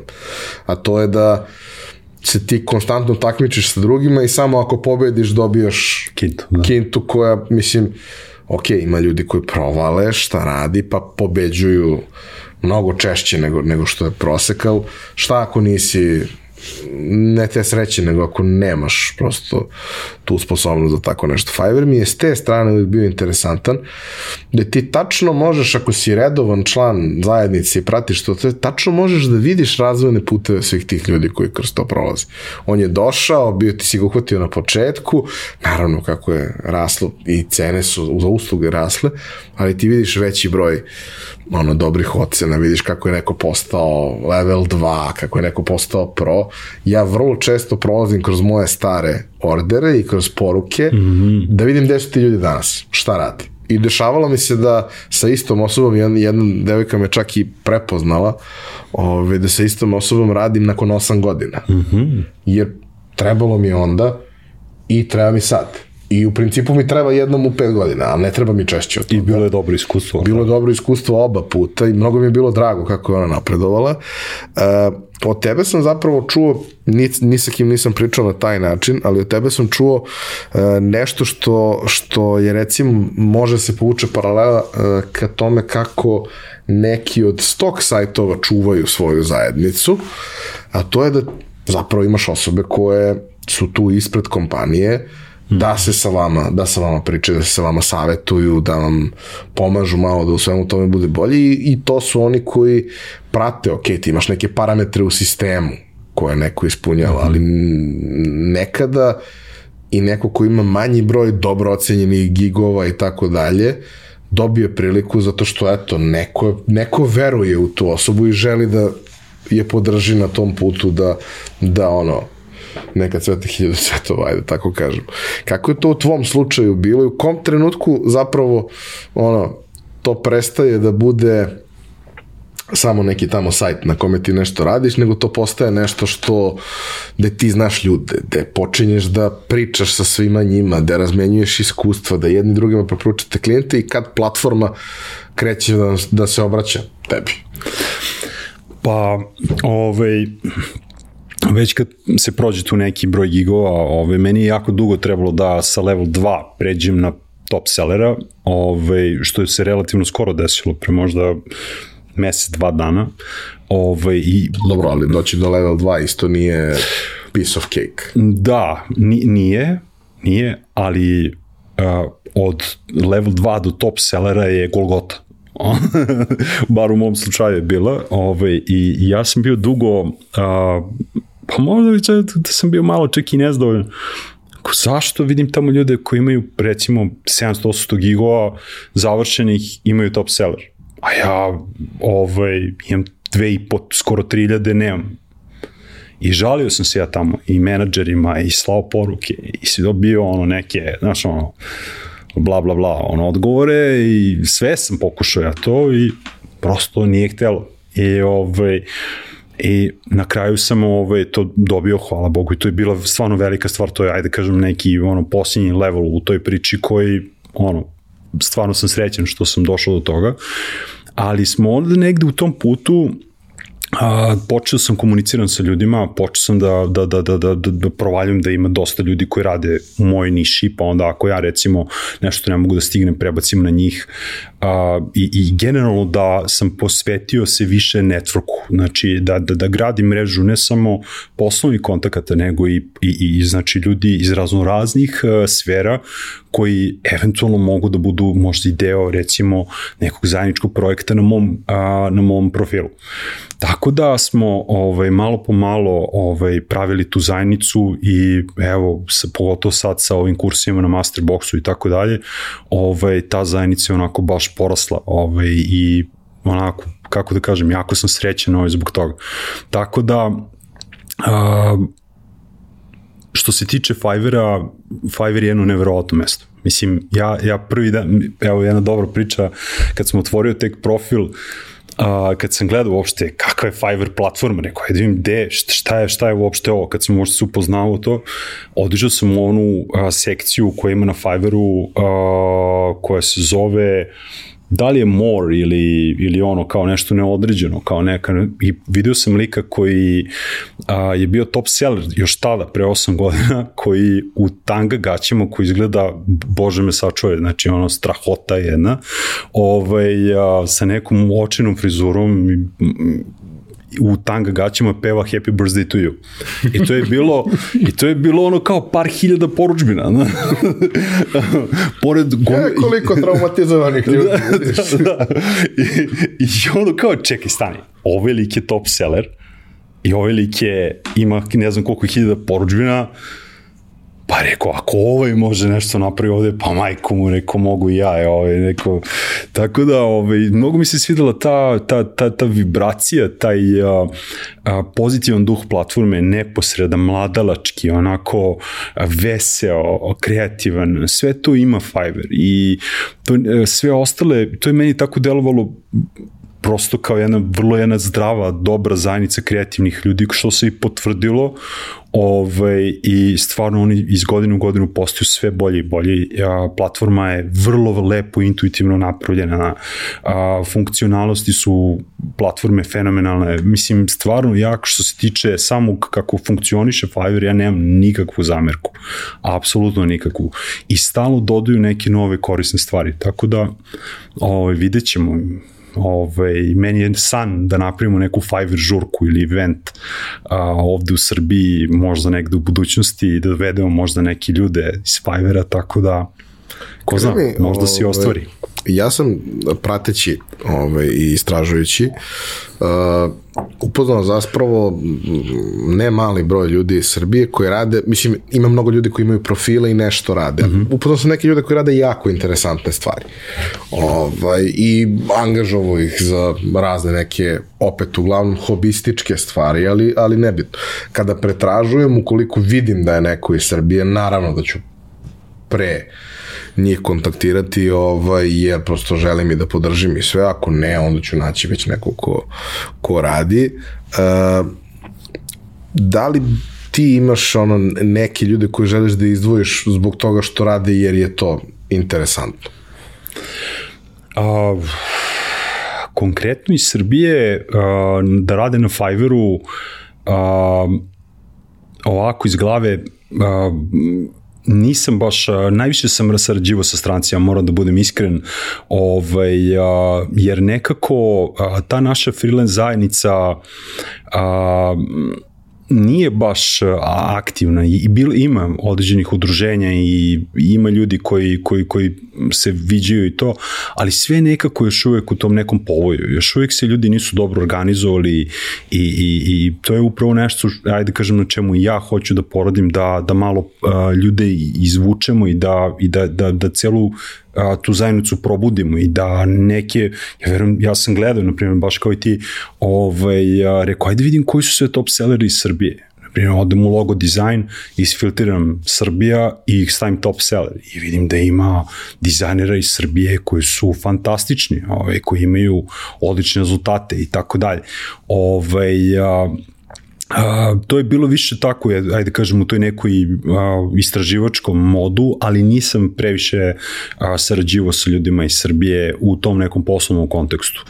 Ove, ali nije uopšte teško naći. Znači, kažem opet, Fiverr je, ako baš neko hoće da radi sa ljudima iz Srbije, ima filtr samo se ukuca zemlje Srbija, staviš koja ćeš level 1, level 2, level 3 ili one tek početne i to je to. Ove, tako da moguće je naći ako recimo neko ima tu jezičku barijeru, pa sad ne zna kako bi komunicirao na engleskom ili tako dalje, ono, nađeš prosto ljude iz Srbije i to je to. Volao bih da nekako uh, oslikamo uh, ljudima šta je to sve što, što ljudi tamo nude. Naravno ne možemo da oslikamo šta je sve, zato što postoji beskonačno kao i gospodin koji se snima u ovaj, oskudno odeven da peva pesmu. Ovaj, ali šta su negde najdominantnije grupe poslova koje ljudi rade, a koji imaju Aha. smisla i imaju tržište? Pa uh, ono što definitivno najviše ljudi rade jeste dizajn. Znači to je onako, ajde da kažem, dizajn i pisanje, uh, ima čak i dosta voice-overa, ovaj, ali dizajn je nekako, čini mi se, kategorija gde, gde, gde ljudi ono momentalno kažu, ok, mogu bi da radim to nešto, mogu bi da pravim neke objave za Facebook, mogu bi ovo, mogu bi ono. Ove, I a, takođe dosta ljudi koji pišu, na primjer, pisanje bilo kakvih tekstova, pogotovo na engleskom, pogotovo oni koji još znaju da rade i SEO, pa da optimizuju tekstove za SEO, ove, to je veoma, veoma profitabilno. Između ostalog, ova Aleksandra Fasulu je, ona je pisac Ovaj, I tu su jako, jako dobre cifre, znači tu može se dobije po tekstu i po 100-200 dolara. Tako da, a, pogotovo ko još radi a, recimo sales page-eve za proizvode, za landing page-eve i tako dalje, copywriting je isto jako popularna kategorija. Ove, tako da, a, a, bukvalno na Fiverru ne postoji nikakvo ograničenje. Ove, što ja kažem i to je upravo ono što ja stalno govorim ljudima, ove, kada ulazite u svet freelansa, a, jednostavno to je prilika da se otisnemo ka možda onim stvarima koje smo uvek želeli da radimo, nismo imali prilike.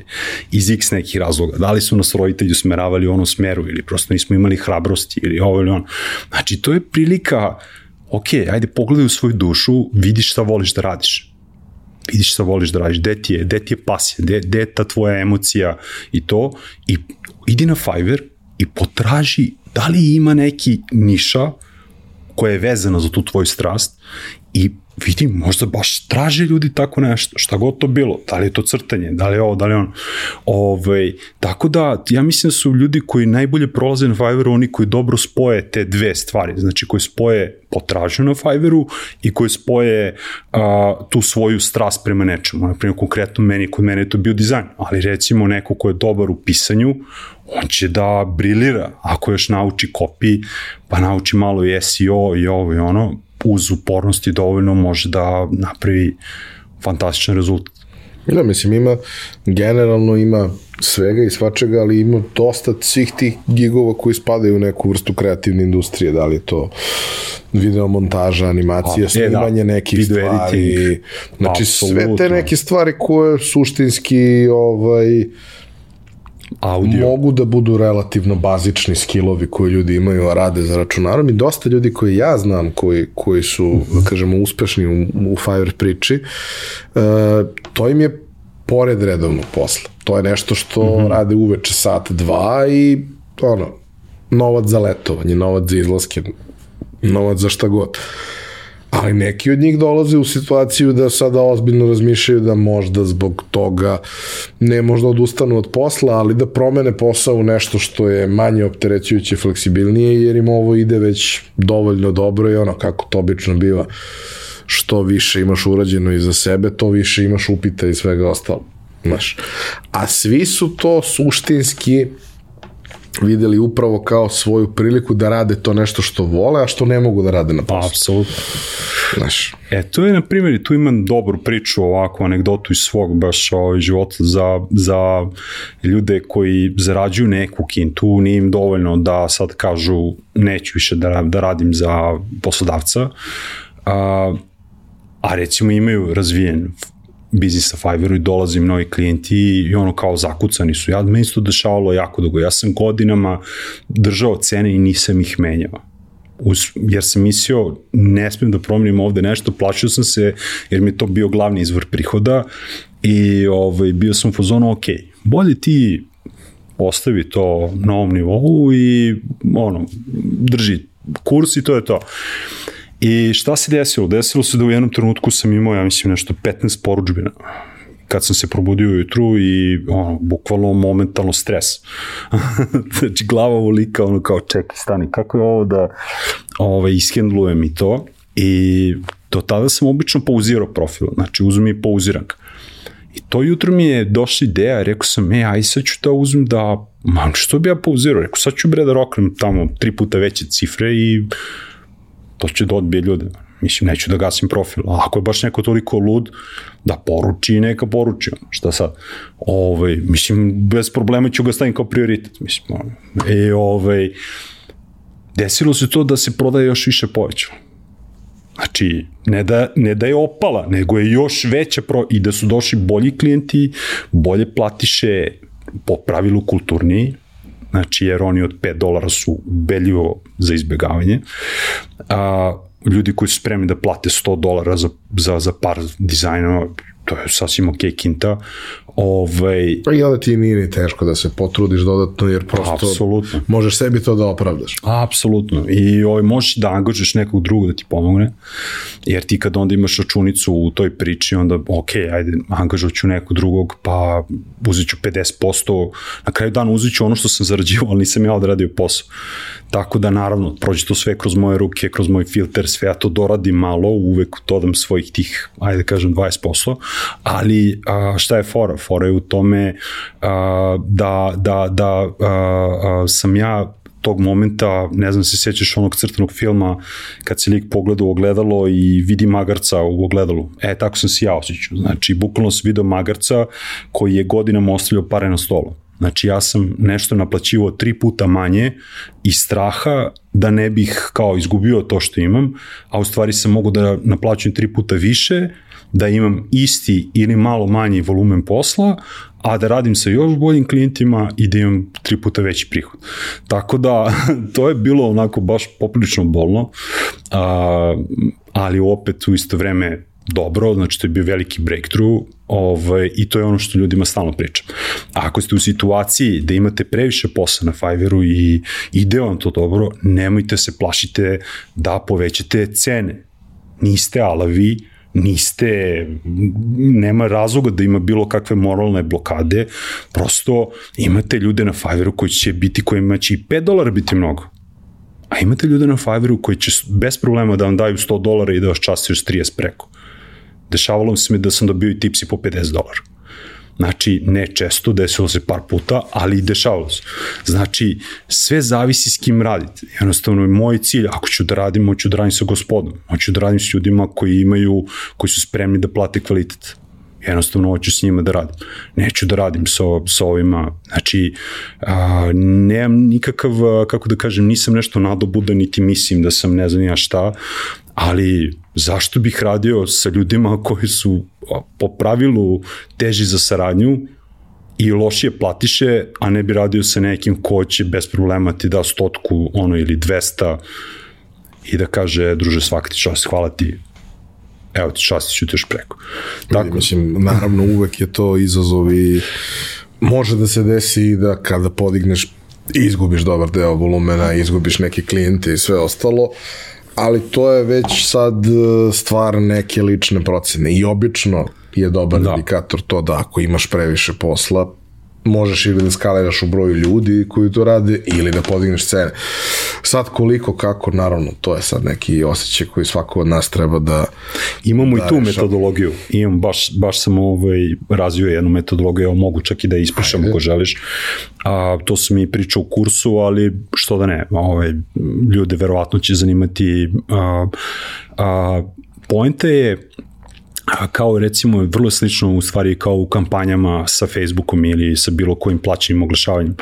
Jednostavno treba po, a, polako povećavati cifre, znači i gledati onog momenta kad ćemo da udarimo ono plafon. Znači, tačno se primeti na Fiverru, vrlo lako se primeti a, a, kada prestanu poruke, kada, kada si došao do te neke maksimalne cene koje ljudi neće da plate više dalje. Znači, a, ja recimo moje neko normalno poslovanje je da, ne znam, svaki dan dobijem 5 do 10 poruka novih klijenata, a, imam određeni broj poručbina i vremenom znam otprilike šta je a, neki standard u volumen, volumenu pes, posla koji imam. I a, kada hoću da testiram cenu, ja uvek, znači nikada ne testiramo tako što nemam poručbine i sada, sad ću da testiram cene, ne. Znači, nikako. Znači, te cene se testiraju kada imaš poručbine i kada imaš ono avalanche, lavinu poručbina i sada tu se nagomil, ti vidiš da to ide, vidiš da to raste, kvasa, ono što bi se reklo, e, tada se podiže cena, znači, za 10 dolara. Znači, prvo, recimo, ako je bio gig, lupam, 10 dolara, podigneš i na 15 ili 20. Sa, pustiš jedno vreme, znači pustiš jedno 7 dana da vidiš šta se dešava. Ako se ne menja ništa posle 7 dana i vidiš da i dalje ljudi poručuju, podigneš još 5, 10 dolara. Sve do momenta da kada polako vidiš da ti padaju poruke, padaju ti konverzije, tačno osjeć, baš se osjeti. To već, ono. za, za tako nešto moraš već da imaš iza sebe. Jest, moraš da imaš iskustvo, ali neko, neko preveliko. To je već ono posle, ne znam, šest meseci, godinu dana, ti već to možda proliš. Zavisi od broja gigova. Da, da, da, naravno, volumena posla. Tako da, ovaj, to je sistem, mislim, ono, vrlo jednostavno. Polako podižeš, pratiš, osluškuješ puls. Šta se dešava, kada osetiš da to već udari u plafon, napraviš kalkulaciju, pa bolje ti na kraju dana da radiš sa duplo manje klijenata, ali da zaradiš veću kintu, ili tako da kompenzuješ kroz posao, manje ćeš da se cimaš, nego da radiš, ne znam, više, a da naplaćaš manje. A kaži mi, ovaj, ono gde, da kažem, ti jesi imenom, prezimenom, likom postao ljudima bliži, jeste kurs i jeste grupa. A, kako je došlo do toga? Uh, to je, to je, to je jedan prelep moment uh, u mom životu u kome sam beskreno zahvalan Istoku Pavloviću, ovaj, mom dragom drugaru, a, ovaj, koga sam isto upoznao, nismo se znali pre toga, upoznali smo se, ja sam mu rekao a, otprilike ko sam, šta sam, šta radim, pokazao sam mu svoj profil i rekao sam, evo druže, to sam, št, m- mislim da imam neki rezultat u tome što radim i on je samo iz topa rekao, je čoveče, ajde da napriš kurs. I ovaj, i to je bukvalno ok, naravno, hajde, mislim, ono, je, bila mi je frka iskreno, zato što a, nisam baš bio dobar pred kamerama i jako sam imao po, narušeno samopouzdanje kad je u pitanju javni nastup. I ovaj, Istok mi je tada rekao, onako, vrlo jednim smirenim i toplim glasom, ovaj, kao je, ne, ništa se ne brini, kao zajedno ću mi to da uradim. Ma rekao, dobro, rekao, razumem zašto ti imaš samopouzdanje, ti to radiš svaki dan, ono, non stop si pred kamerama, a rekao, meni je to baš problem, jer kad sam jednom imao neki javni nastup, to je bilo jako bolno za gledanje. Znači, ja sam bio skroz crven, ovde su mi vene pulsirale, bio sam skroz nojav, glas mi je podrhtavao, a, to je bilo strašno, znači ljudi koji su me gledali, ono, ajde isključi više to, pusti jednog čovjeka nek ide kući. znači, to... Let's put him out of his misery. da, da, eutanazija, ono. ove, tako da, ove, ja sam imao taj, taj tu percepciju sobstvenih mogućnosti na tom nivou, što nije bilo baš zavidno. I isto je rekao, ja slušaj, niste ne brini, mi ćemo to zajedno. Rekao, dobro, ok, drago mi da ti imaš ovaj, poverenje u mene, jer ja nemam. Ono. I rekao, ajde, napiši ti skripte za taj video, dođi kod mene, mi smo došli i ono, krenuli smo da radimo i napravili smo prvu lekciju, snimili, ja sam, to je prošlo kako je prošlo, ovaj, on je bio zadovoljan, a ja kako izmontiramo da vidimo kako to izgleda, I ja kad sam pogledao, rekao, čoče, on je loš. Mislim, ono, kao, ovo, ovo ne znam ko je ovaj čovjek, ali nije loš. da, rekao, da, evo kao, super, je, sviđa mi se ovo, ono. I uglavnom da skratim priču, tih koliko, deset dana, dve nedelje, što smo mi to snimali, družili se, bio sam kod njega, on mi je, ono, hranio me tamo, mislim, ja, stvarno me prihvatio kao da sam mu brat, bukvalno rod rođeni, ono, na čemu ćemo stvarno beskreno biti zahvalni, svašta je podelio sa mnom i svog uh, poslovnog sveta i mnogo sam jako, stvarno sam jako puno naučio na njega, znači stvarno uh, krajnje nesebično je sve to podelio sa mnom i hvala Bogu taj kurs kad smo objavili na Masterboxu, uh, doživeo je stvarno, kako da kažem, ljudi su imali jako dobre reakcije. Ali ajde, ok, ljudima se svidela priča, ali da li to radi? I onda su ljudi krenuli da se javljaju sa rezultatima. I, ovaj, i malo po malo je, je sve veći veći broj ljudi a, javljao mi se i na Facebooku i na Instagramu i kao vlada ovo je super, ja hvala ti, sviđa nam se način na koji ti to radiš, eko super, eko hvala Bogu, eko dobro je. Ove, to je za mene bio veliki breakthrough jer ono povratio sam neko svoje samopouzdanje ovaj u tom nekom javnom nastupu u smislu javnog nastupa i svega toga i shvatio sam da ja to mogu da radim i da to da to funkcioniše ovaj i onda je isto rekao ajde napravimo grupu i tu je onda došlo par hiljada ljudi i ja evo već koliko pa više od pola godine držim predavanja svakih uh, mesec dana, napravim veliko predavanje na neku temu Umeđu vremenu sam izbacio uh, još jedan kurs o Canvi i tu sam isto imao ove, jako lepe reakcije ljudi. Tako da eto, napravila se ta neka zajednica ljudi koji, koji, koji podržavaju to što radimo. Uh, ovaj, uh, meni je jako bitno uh, svima se trudim da ispričam svoju viziju, da, da, jer to je ono zbog čega mi to radimo. Uh, moj lično cilj je da uh, zadržimo ljude u Srbiji i da im damo do znanja da ne moraju da idu odavde, da ne moraju da odu iz Srbije da bi živeli pristojno. I takođe da nema veze što žive u malim mestima, mogu da postanu freelanceri, mogu da imaju lepo plaćene poslove, da, da, da, da žive normalno, da ne moraju da trpe neke bezobrazne šefove i da budu nezadovoljni svaki dan na poslu i tako dalje ako sam ja mogao kao neko ko nije znao ni šta je Photoshop, ono, bukvalno plašio sam ga se i malo po malo da to naučim, ne vidim razlog zašto bilo ko drugi ne bi mogao. I ja stvarno verujem da freelanceri a, su jedna grupa ljudi koja je a, inkubator jedne pozitivne kreativne energije koja je uh, daleko od ovih naših uh, šablona u kom, koji gledamo svaki dan. Ja verujem da su to ljudi koji, koji stvarno idu ka slobodi, znači ne, neće da prihvataju te šablone koje nam nameće država, nego kažu fuck this, idem svojim putem, naći ću svoje mesto i, i, i izbore se da dođu do toga.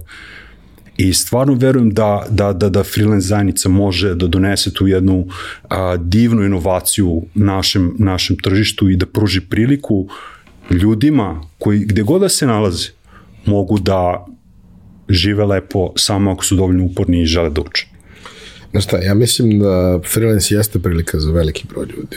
Ovaj, ali ono što, što je tu najvažnije jeste upravo promena mindseta i izlazak iz te priče ok, ja sam šta god, završio engleski i sada ću ja da držim časove engleskog. Ok, drži časove engleskog, ali ako budeš jedan od 5 miliona ljudi koji drže časove engleskog i ne budeš ni po kom kriterijumu drugačiji od ostalih, možda ćeš ti da imaš neki prihod od toga. Ok, ali sigurno nećeš napraviti nekakav iskorak u bilo kom smislu. Jedini način da napraviš je da učiš, da se usavršavaš i da probaš da nađeš to nešto po čemu si ti drugačije. Odnosno, suštinski, da se kontinuirano usavršavaš u stvarima koje radiš, što je obično jako teško i protivno onome što bi ljudi ovde voleli i kako su oni zamišljali da će da to funkcioniše. Znaš, zato kada pričamo te priče, kada pričamo sa ljudima koji su uspešni, oni su uspešni zato što su im svi oko njih govorili da su budale, najčešće. Ovaj, jer su hteli da rade stvari, to je ono što ja kažem za pojačalo svaki put. Ovaj, mi ovde dovodimo ljude koji su čudni, ok, mi ovde dovodimo ljude koji su komplikovali sebi život. Zato što ljudi koji su išli linijom manjeg otpora, uvek oni su stigli tačno tamo da ih vodi linija manjeg otpora, a to je nigde. Stigli su u ono neku amorfnu masu ovaj, koja nema nikakvu vrednost. Radim i, i čekam penziju. Radim i čekam penziju i u suštini kvalitet života mi zavisi od toga kako neko drugi odredi da će to biti. Nije lako, zapravo jako je teško kada svaki dan, svakog trenutka nosiš 100% odgovornosti za svoj život i ako imaš porodicu onda je li ovaj deo odgovornosti i za, i za njihov život. Nije lako, ali je na jednoj strani divno, jer ti omogućava da budeš fleksibilan. Pa to što ti kažeš da ljudi ostanu u Srbiji, e, nek ostane ko želi da, da ostane, nek ide, nek radi sa mora šest meseci, one ko želi da radi Absolutno. sa mora. Ja ne razumem ljude koji idu na Tajland da bi tamo odande radili šest meseci, ali njima je lepo. Ne moram ja da ih razumem. Ako su oni srećni, ako njima to funkcioniše, koji god da je modalitet, ono, sedeću i voziću se po Evropi i svako veče ću da radim par sati i da odrađujem, ej, šta god tebe čini srećnim. Apsolutno. Ali sama ta mogućnost da imaš fleksibilnost, da ti kažeš sada ću ovako, a za Tako. tri meseca ću ja Bravo. onako, to je to. a nešto se dešava sve to vreme. Je to. to ti je ono što pravi razliku. Tvoj, upravljajući tvojim rukama. Znaš, a, dobro, pratit ćemo šta se tu dešava sa svim tim. Ja lično mislim da je ta priča sa jednim a, kreativnim hubom, agencijom kroz tvoj profil nešto što zaista može da ima smisla. Grupa već postoji, aktivna je, možda u nekom trenutku i kroz neku formu druženja, upoznavanja, da se dodatno aktivira, ali u svakom slučaju hvala ti što si podelio priču i hvala ti što kroz to što radiš osnažuješ ljude da pokušaju nešto novo i naravno deo njih možda neće uspeti, ali će uvek u tako nekoj grupi deo njih napraviti razliku i biti primer za ugled svim onim ostalim. Nema grandioznih obećavanja, nema i ima ono što je vrlo važno, a to je ona realna pomoć kad ljudima nešto treba, kad ne zna kako da nešto poveže, kad ne zna kako da postupi u nekoj situaciji, ti mu kažeš najiskrenije svoje mišljenje o tome, a vrlo verovatno su većina tih slučajeva nešto što si ti prošao ili neko drugi od, od članova grupe prošao. Ljudi, mi stalno mislimo da ljudi neće da podele znanje i iskustvo, ali ima sasvim dovoljno ljudi koji hoće, koji nemaju problem sa tim. Apsolutno. Mislim, što i dokazuje činjenica da pojačalo ima više od 200 epizoda, jer ljudi ovde pričaju stvari koje malo gde drugo pričaju. Tako je, i to je, a, Ivane, veruj mi, ništa me srećnije ne učini kad nego kad vidim da su ljudi napravili taj iskorak, imaju neki rezultat. Naravno, još uvijek je ova priča mlada, ovo, ja da kažem, a, ne možemo očekivati da će neki top seller sada se pojavi, ali, a, jer ipak treba vremena za to, ali a, nadam se da će i biti u budućnosti, jedva čekam da mi se javite ljudi da kažu, e, slušao sam sa Minićem onu a, epizodu, to me motivisalo, evo, stigli smo do nekle, ovaj, a, ja se trudim stvarno da odgovorim svima na poruke i, i još mi nije se desilo da neko mi je postavio poruku, možda ako nisam primetio ili tako nešto, ali svima ću da odgovorim, svima ću da pružim priliku, jer su meni ljudi pružili priliku meni su ljudi, ja to negde gledam da sam ja na neki način zadužen da to proslinim dalje. A, mene su ljudi verovali, koji, evo konkretno istok, njegovu rečenicu niko neće zboriti, rekao, brate, ja verujem u tebe. Meni je to promenilo život. Meni je stvarno ta njegova rečenica promenila život, jer nisam to čuo mnogo puta u životu. I ovaj, a, I to je, ja hoću da, da, da, da, da ljudi uspeju i želim da, da promene i želim da, da promene svoje živote i da naprave jednu dobru, zdravu priču, da se to stvori jedna kvalitetna masa kreativnih, jakih individualaca koji ne pristaju na bullshit. Izvinjam se na rečima, ali... nije problem, psujemo mi podcasta. Nije. Ove, znači, a, i, i, i, da, i da, da se da je to bude jedan jedan eto, ako mogu da doprinesem makar 1% toj viziji, toj priči, da poguramo ljude, da, da, da, da, da budemo katalizator te kreativnosti koja će da, da deluje ja ću biti pre, presrećan. A na, neki idealni moment bi bio da napravimo event, da, da se svi družimo, da imamo neku možda čak i stalnu bazu gde se ljudi dolaze, skupljaju, ne, gde se druže, razmenjuju iskustva, razmenjuju kontakte i gde jednostavno se stvara jedna vrlo, vrlo jaka moćna, intelektualno moćna masa ljudi koja, ja verujem, da ima priliku da promeni ovaj narativ koji nije baš najsjajniji u kome mi svi živimo. Vlado, hvala ti. Hvala i tebi. Hvala vama što ste nas slušali. E, bilo je zadovoljstvo kao i uvek. E, sve vaše komentare ostavite na za to predviđenom mestu na YouTube-u. E, to bi bilo to za ovu nedelju. Mi se vidimo ponovo naredne. Ćao.